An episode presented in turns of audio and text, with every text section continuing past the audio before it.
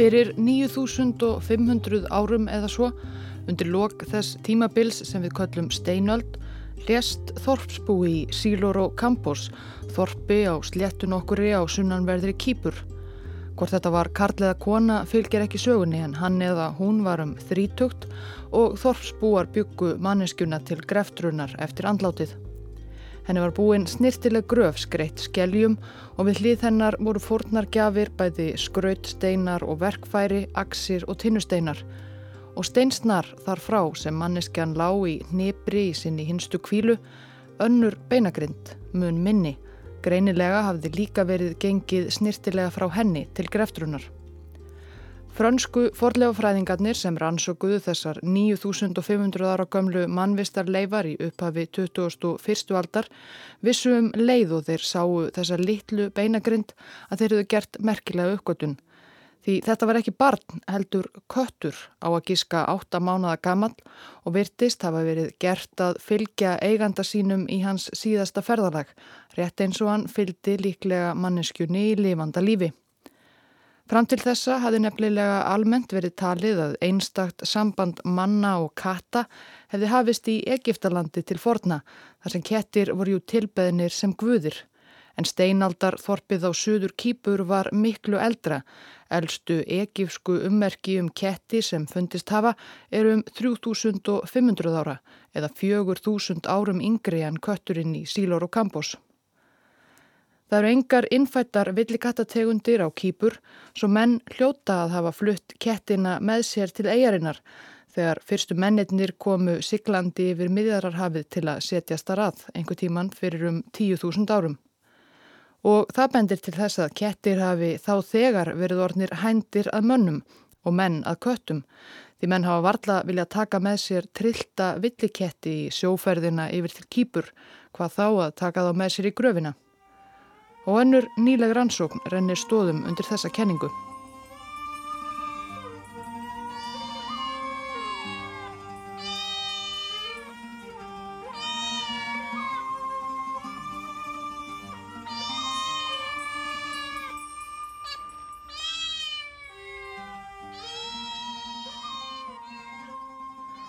Engu tíman fyrir um 10.000 árum hefur villiköttur laumast inn í mannabústaði einhver staðar í miðausturlöndum, kannski við austurströnd miðjararhafs, kannski í Mesopotamíu, þar sem menn voru einmitt að hefja ræktun á kveiti, byggi og öðrum nétjajörtum í fyrsta sinn í sögunni. Þarna í þessu ónemda þorpi hefur villikötturinn fundið skjól fyrir óvinnum sínum, stærri villikatategundum og híenum og nóg að geta því kornhlöður mannana og húsakinni sóttu lítil girnileg nagdýr sem voru villikísu auðveld bráð.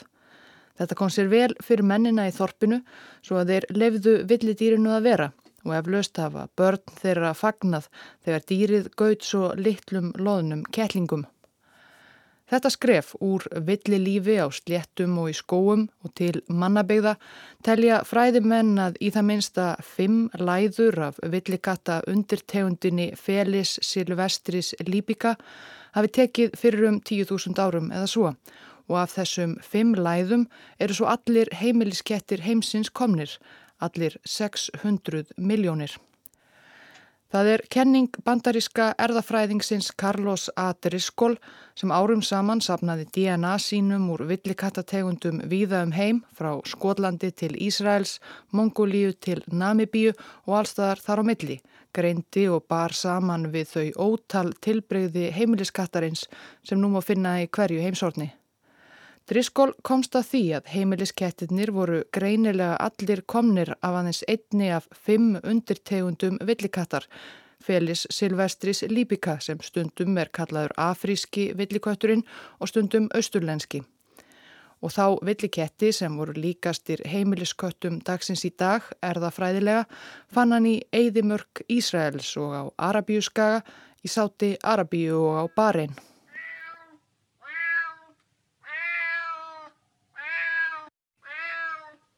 Áður fyrir var sagt að menn hefðu tamið ketti til að veiða fyrir sig mís og önnur nagdýr en svo hugmynd hefur síðan verið endurskoðuð.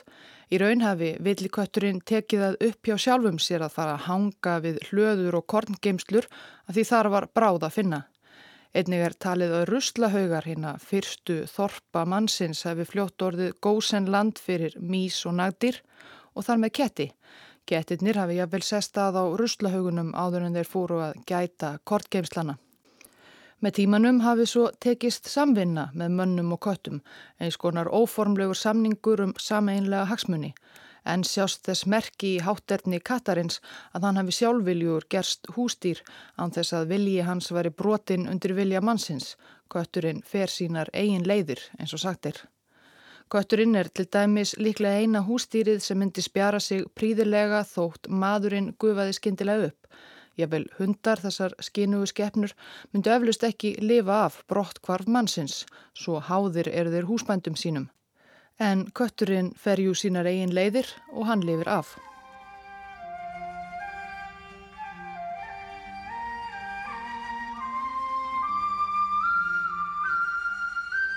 Um þessa fyrstu heimilisketti við miðjarðarhafið eða í Mesopotamíu er annars lítið vitað fyrir en þeir bárust til Egiptalands einhver tíman fyrir þrjú til fjögur þúsund árum.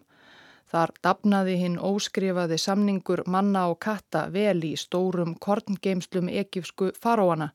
Egiptar kunnu sérstaklega vel að meta sína ketti en það leiði ekki svo á löngu þar til farið var að tilbyðja ketti sem guðlegar verur þar síðra. Fyrstu egifsku heimildirnar um guðleg kattardýr eru frá því um 3100 fyrir okkar tímabil. Það er mynd af giðju með einskonar ljónshöfuð, maftett. Síðar kom fram önnur áþekk kattargiðja sem var mun þekktari, Bastet eða Bast. Hún var fyrst einnig ljónskiðja en varð með tímanum áþekkari heimiliskettinum.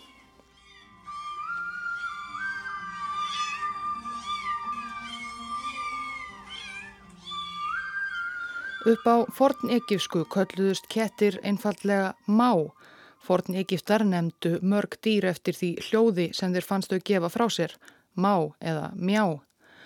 Og þó að Egiptar hafi elskað sína ketti eru ekki svo mörg dæmi um að þeir hafi gefið einstökum köttum nöfn eins og við gerum með gælu kettina okkar í dag. Kettina sína hafi þeir einfallega kallað ketti. Tutmós hétt prinsnokkur sem var uppi um 1300 fyrir Krist, eldri bróðir hins allræmda faróa Akhenatens en hann dó ungur. Lítið er vitað um prinsinn unga en steinkista Katarins hans hefur varðveist og þar er greftrað nafn dýrsins Ta Mjú sem þýðir einfallega læðan. Fleiri forn ekkiskir kettir sem sögulegar heimildir er um bára álíka katarleg nöfn. En reyndar eru líka dæmi um að Egiptar hafi nefnt kettina sína. Elsti köttur sögunar með eigið nafn var uppi um 1500 árum fyrir okkar tímatal og fannst þið uppgröft í þepu. Sá hétt eitthvað í líkingu við netjem eða netjemet sem ku þýða eitthvað á við sæti eða blíði.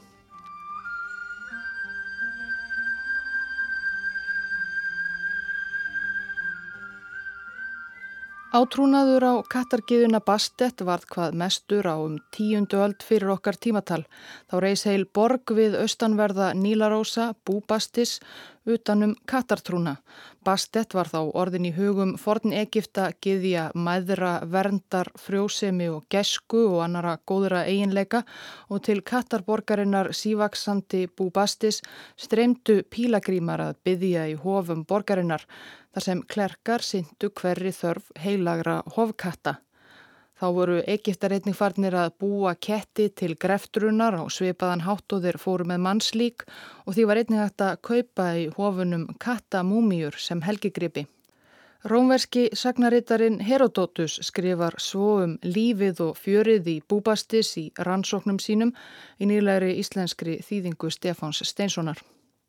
Menn og konur sigla saman í stórhópum á hverri fleitu. Einhverjar kvennana bera rossabresti og láta syngja í.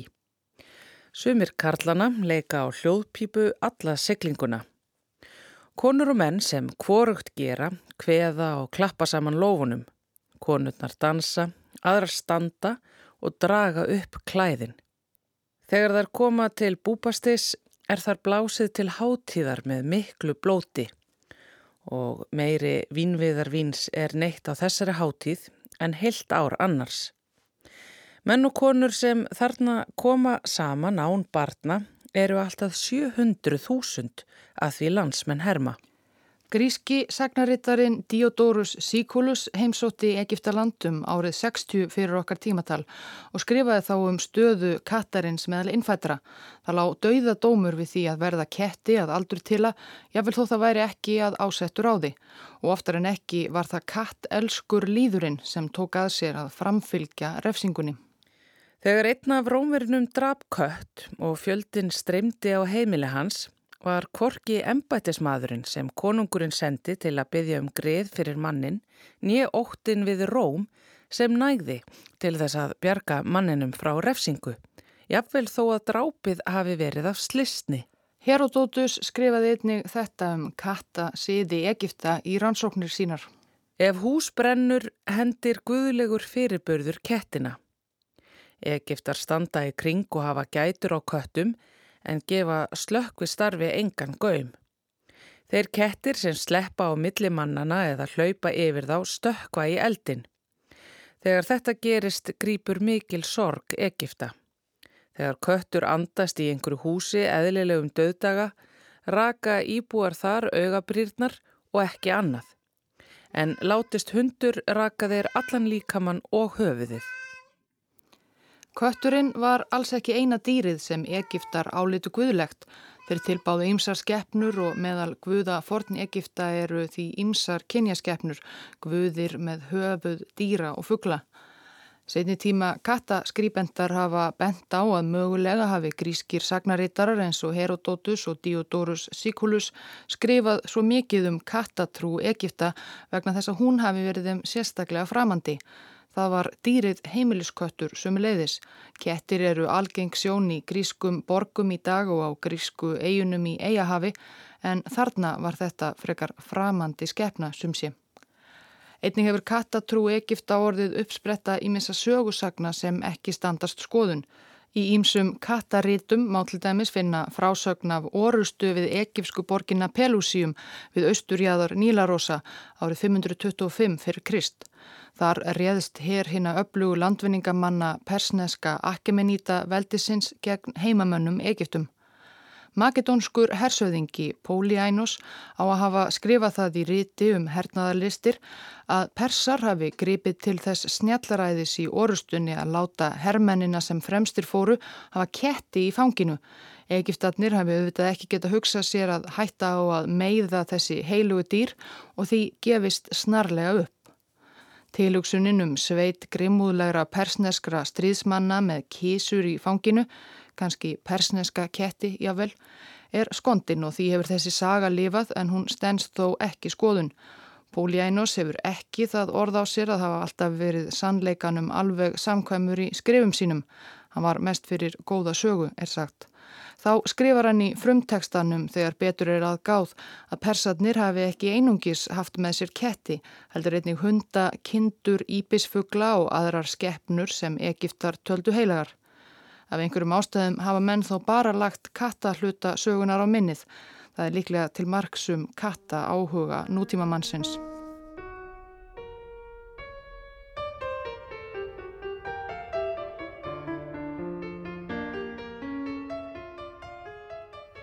Árið 2001 fundu kínverskir forlegafræðingar við uppgröft á mannabústað frá því um 3500 fyrir okkar tímatal í Shanxi norður Kína litla kattarhauskúpu. Við nánari skoðun fundust fleiri kattarkúpur og önnur kattabein og bendi allt til þess að kettir hefðu búið innan um mennska íbúa þessa frumstæða landbúnaðathorps. Saga kattarins í Kína hefur ekki verið rannsökuð til hlítar og fundurinn vakti því margar spurningar. Hauðu heimiliskettir þá borist frá miðausturlöndum allalegði norður til Shanxi svona snemma. Áður hafi verið talið að þeir hefði ekki komist til Kína fyrir löngu síðar. Rannsókn á beinunum leiti svo nokkuð merkilegt í ljós. Beinin tilherðu ekki miðausturlenska villikettinum Felis Silvestris Libica sem er talin forfaðir allra heimiliskatta heimsins eins og við heyrðum hér áðan. Nei, þetta var ekki hann, heldur ættingi hans sem kallast Prionolaurus bengalensis upp á latnesku eða hleparðaköttur á íslensku því þeir eru blettóttir á feldin eins og hleparðar en þeir eru miklu minni á stærði vanalega heimilisketti. Hleparðakettir eru villi dýr sem finna má í skólendi víða um Asju, allt frá Pakistan, austur til Kóru, á Indlandskaga og eigum Indonésiu. Svo virðist sem að fyrir um 5.000 árum hafi einhverjir hleparðakettir stíð sama skref og arabískir frændur þeirra gerðu í Mesopotamíu eða við miðjarðarhafið og hafið sambúð með mönnum. En af einhverjum ástæðum hefur hleparðakettinum ekki farnast eins vel sem hús eða gæludýr og austurlenska villikettinum. Því að í dag er engin ummerki um hleparðaköttin að finna í erðamengi kínverskra heimiliskatta. Þeir eru allir rétt eins og aðrir heimilskettir afkomendur austurlenska villikattarins og komu líklega til Kína með silkileiðinni frá vestri.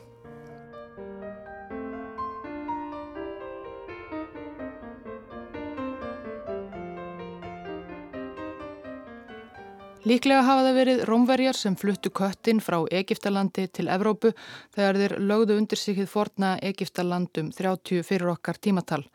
Kettir eruðu fljóttu vinsælir meðal rómverja, bæði sem músaveidarar og sem gældýr. Á rómverskum listmunum má sjá glæsilegar myndir af köttum, meðal annars af kísum og börnum að leik. Og líklega hefur kötturinn getað breytt úr sér í Evrópu með hjálp rómverja, ekki síst kannski rómverska hersins. Hersveitir Rómverja fluttu kannski með sér ketti í herrferðum sínum til að verja matarbyrðir fyrir ásókn nagdýra.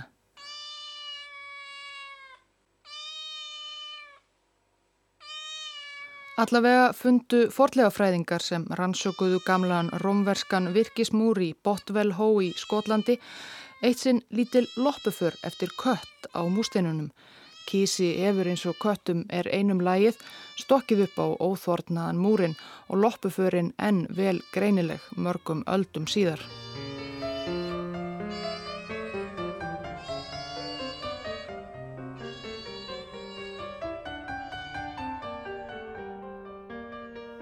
Á heimavelli í miðausturlöndum voru kettir líka mikil smetnir. Í Íslam sem spratt upp úr söndum Arabíuskaga á sjöundu öld hefur jafnan verið borin mikil virðing fyrir köttum sem áleitnir eru hrein dýr ólíkt ymsum öðrum skefnum. Það þýðir að trúrækin múslimi þarf ekki að óttast það að borða matvæli sem köttur hefur snert eða drekka eða þó sér með vatni sem köttur hefur dreift á. Kettir eru svo líka yfirleitt frjálsir ferðasinna um moskur og íslamska helgistadi. Á teppalögðum moskugólfum á oftar en ekki sjá sofandi ketti sem þar hafa hreyðrað um sig. Kóranin sjálfur minnist hverki á ketti en finna má í öðrum trúaritum fyrirmæli til muslima um að fara vel með ketti og ketti er einnig að finna í sögum um líf og umhverfi Múhameðs spámans. Þar er meðal annars minnst á köttin Muessa sem mun hafa verið eftirlætis köttur spámansins svo mjög að hann hafi gert hann pretikað yfir fyldarmönnum sínum með köttin í kjöldunni.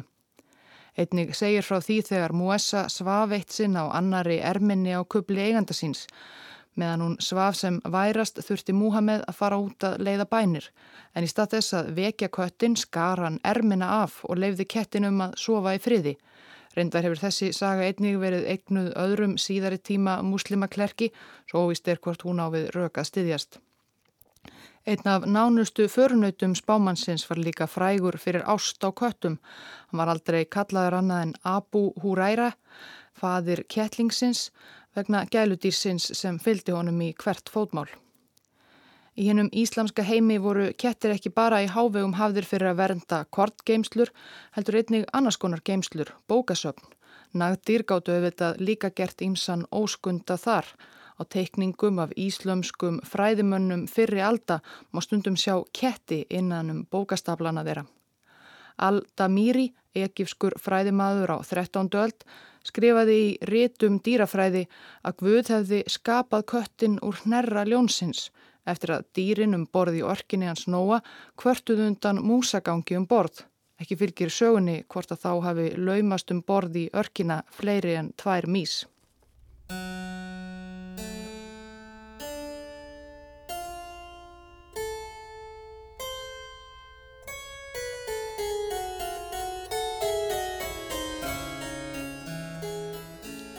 Á meðan múslimar rómuðu ketti varð eitthvað þess valdandi að ímynd dýrana breyttist nokkuð á miðöldum í Evrópu.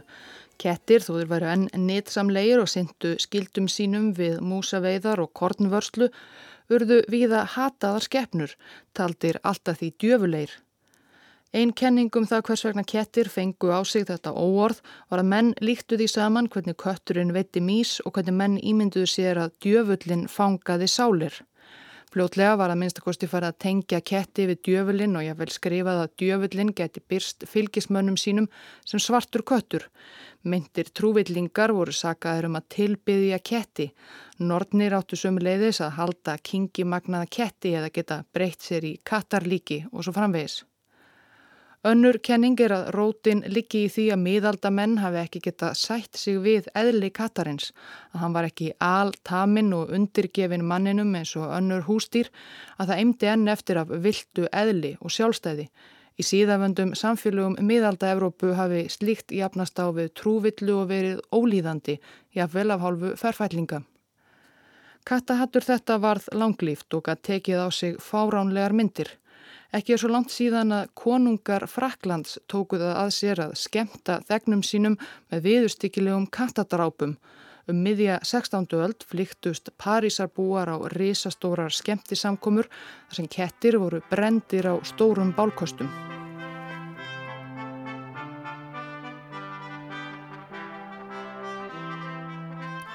Atöfnin sem fór fram á Jónsbessunótt hófst með því að leikinu var háttíðleg tónlist. Bálkostur var hlaðin á miðju torki undir stórum aftökupalli. Sjálfur konungur Fraklands steg svo fram og kveikti eldin við dinjandi lofatak og fagnaðar róp áhörvendaskarans og dansaði svo í kringum bálkostin með rosa kórunu og höfði. Töyir katta voru settið í stóra körfu eða net og þeim var síðan á fyrstu stigum brennunar fleikt beint á bálið. Í lokin voru kettir síðan látnir síga rólega niður í eldin en þess hluta var beðið í ofvæni en það liðu kettirnir mestar kvalir með þeirri aðferð. Áhorvendunir, þar á meðal konungar, drottningar og hefðarfólk skríktu af hlátri á meðan dýrin veinuðu af kvölum, sviðnuðu, steiktust og urðu að ösku á gríðarstórum varðeldinum. Eftir þessa grimmilögu skemmtidagsgrábauð konungurs og áhorfendum í efri stjett til katabrennu dansleiks í ráðhúsinu. Á meðan beigð söðsvartur almóin eftir að kólnaði í bálinu til þess að sapna saman ösku katana og nota sem príði á heimilum sínum. Þessum tíma þóttu kettir og hræð þeirra nefnilega miklir happagripir. Til dæmis voru lifandi kettir lokaðir inn í grunni húsa í byggingu til þess að gæða húsið varanleiri lukku. Katabrennurnar áttu rætur að rekja til þessara gömlu evrósku hugmynda um bölfun katta og meintan skildleika þeirra við djöbla og nortnir. Bandarískur sagfræðingur Robert Darnton skrifaði árið 1985 bókina Kattablóðbæði mikla og aðrir atburðir í menningarsögu Fraklands. Titillin vísar í ákveðin atburð sem varðum 1730 í París. Prentsveinar byggu á heimili og vinnustofu lærimeistara síns, prentara á St. Severíngötu. Lærlingarnir byggu við hörmulegar aðstæður í litlum kéturum og voru neittir til að sofa í ískulda.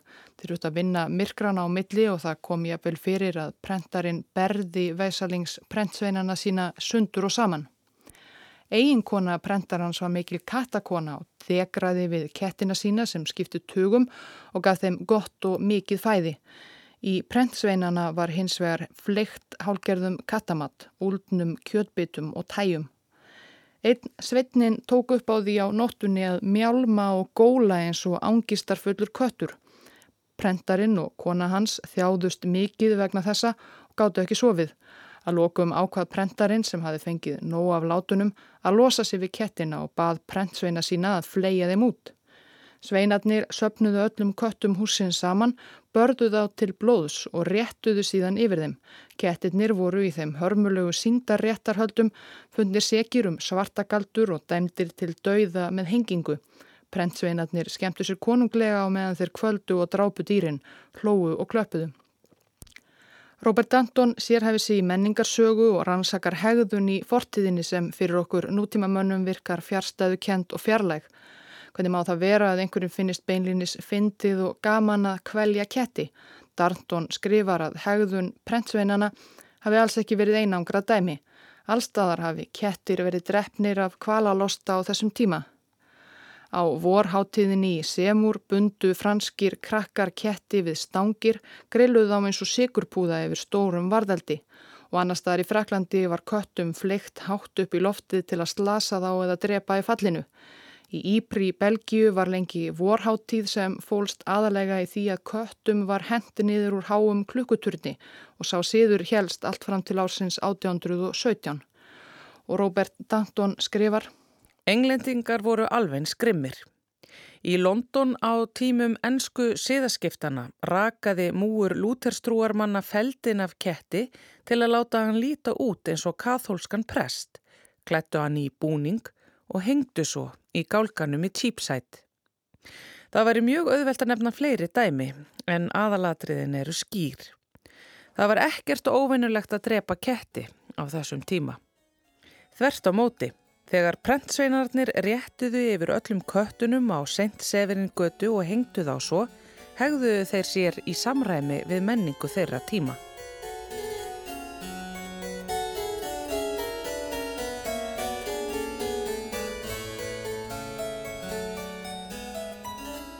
Talið er að kettir hafi komið til Íslands með landnámsmönnum á tíundu öld eða svo. Erðaransóknir hafa sínt fram á að íslenskir heimiliskettir eru svipaðir og kettir annar staðar þar sem norrænt fólk er að finna. Ekkert óvænt þar. Fyrstu íslensku landnámskettirnir syndu áraðanlega skildustörfum sínum með ágætum en mörguðu þó ekki djúb spór í Íslandsöguna. Katta er sjaldan getið í Íslandsögunni og íslenskum forbókmyndum. Í raun má segja hlutur katta þar sé frekar rýr. Sem dæmi má nefna að norræna geðjan Freyja ferðast um í vagnir sem tveir kettir draga. Hvergi er þó tekið fram hvað þessir kettir heita. Ég vil þó að næstum hver einasta skeppna, skartgripur og steitni norrænu goðafræðinni fái eigið nafn. Þó eru furðumörg örnefni á Íslandi kentu ketti. Í örnefna sjá landmælinga Íslands má finna næri 70 örnefni sem vísa til katta hringin í kringum landið og jáfnvel á hálendinu þar sem hann finnst óleiklegt að margir kettir hafi haldið til. Kattadalur, kattafoss, kattarbrekkur, kattarryggur, kattarklettar, kattarauga, kattarnef, kattarnes, kattarrófa og svo mætti lengi telja.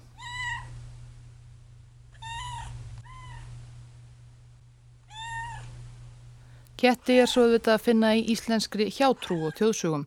Flestir þekki eflaust kynja skeppnutnar, skoffín og skuggabaldur og svo er það jólakötturinn. Kattabein hafa ekki fundist í forlefa uppgreftri á Íslandi. Við vitum þó að kettir voru ekki bara hústýr hér heldur einnig söluvara. Í verðlagsgrá sem var líklegast samþygt á alþingi á 12. öld og er verðveitt í konungsbók, öðru aðalhandritri grágásar, er minnst á kattaafurðir, bæði kattabelgi og kattarskinn. Kattbelgir af fressum gömlum, tveir fyrir eiri, af sumrungum þrýr fyrir eiri, stendur í verðskráni. Belginnir hafi verið nokkuð verðmættir sangant útreikningum Vísindavefs Háskóla Íslands. Eirir er sex álnir af vaðmáli, svo belgur af gömlu fressi hefur verið jafn dýr og þrjár álnir af vaðmáli eða einn og hálfur metri. Til samanburðar voru revabelgir og lampagærur bara metin á eina alin vaðmáls. Verð á kattaskinnum var svo ekki fast sangant verðskráni, það var það meta hverju sinni. Á erfáum stöðum í Íslendingasögunum og öðrum fornbókmettum má sjá minnst á ketti, það er yfirleitt í framhjólaupi. En í einni af Íslendingasögunum má þó finna heilan kabla þar sem kettir koma verulega við sögum.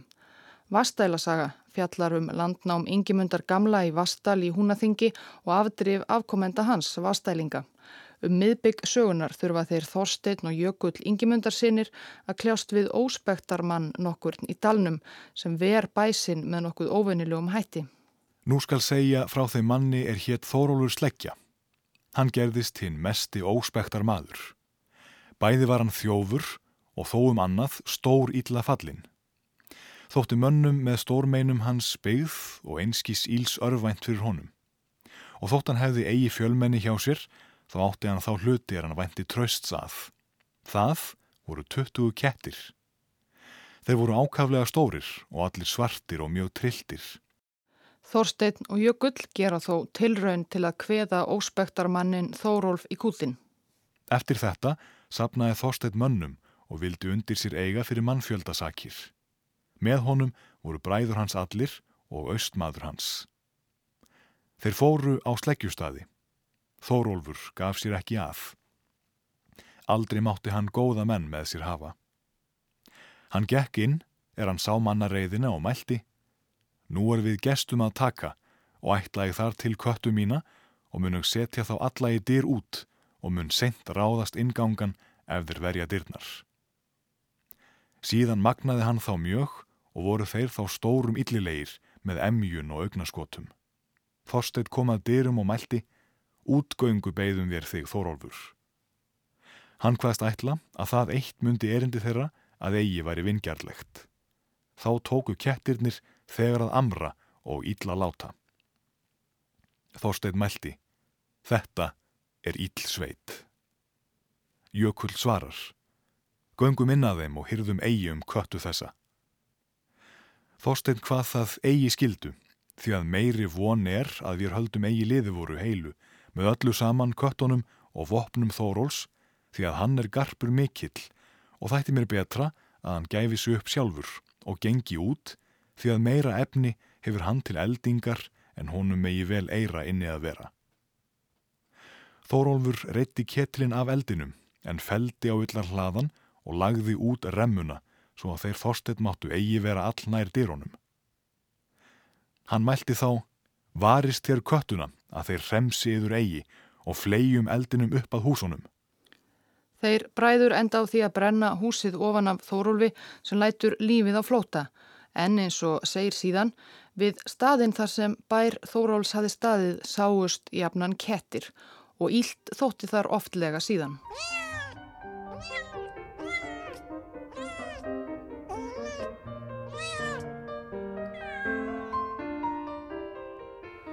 Við höfum heyrt hér nokkuð um það hvernig kettir ofu sambúði mannin og breytust þannig um jörðina. Ketti er nú að finna í öllum heimsortnum. En hvað með hímingeimin? Hafa kettir ferðast út í geim eins og aðrar dýrategundir hafa gert? Víkjum aðeins að geimköttum og hér koma frakkar aftur við sögu þó ekki brennuglaðir konungar eða íllkvittnir prentsveinar.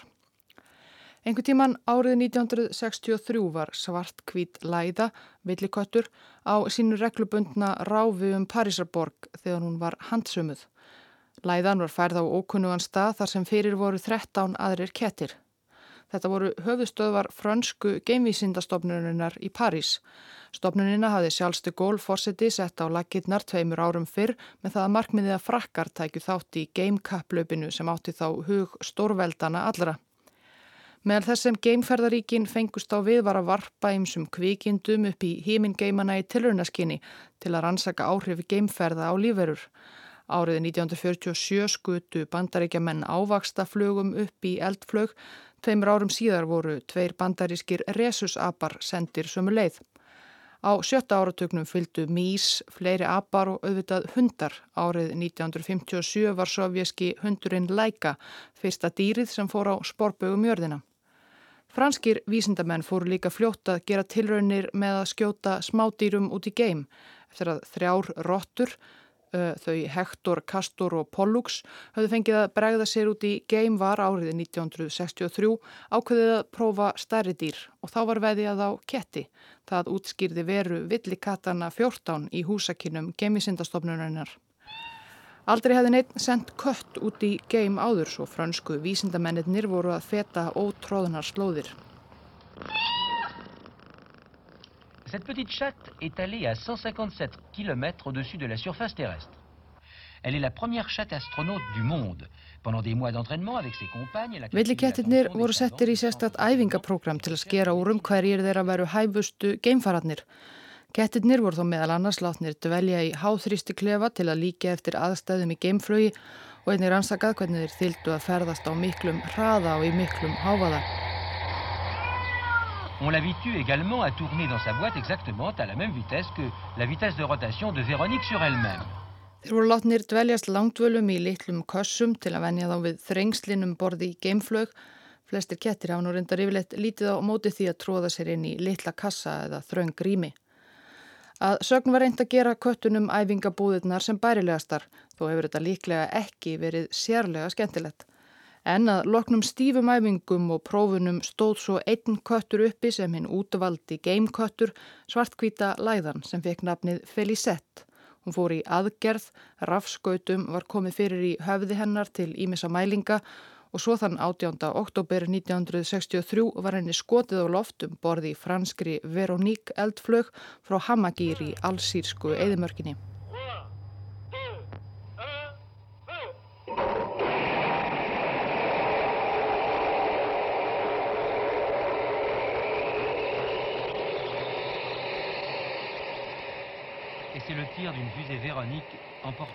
Flugið stóði í 13 mínútur.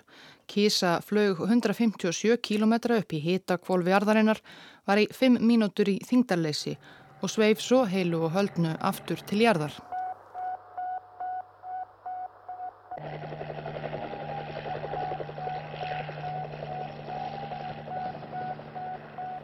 Þaðan var hún flutt aftur til Parísar þar sem vísindamenn tóku til við að rannsaka áhrif geimferðarinnar á dýrið.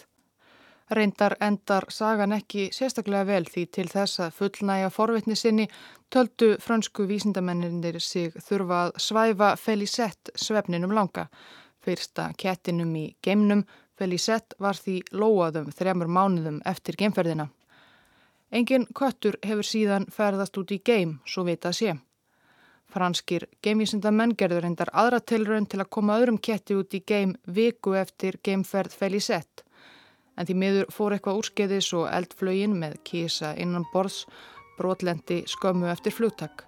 Sákvöttur fórst í slesinu og sákvöttur hlaut aldrei eigið nafn.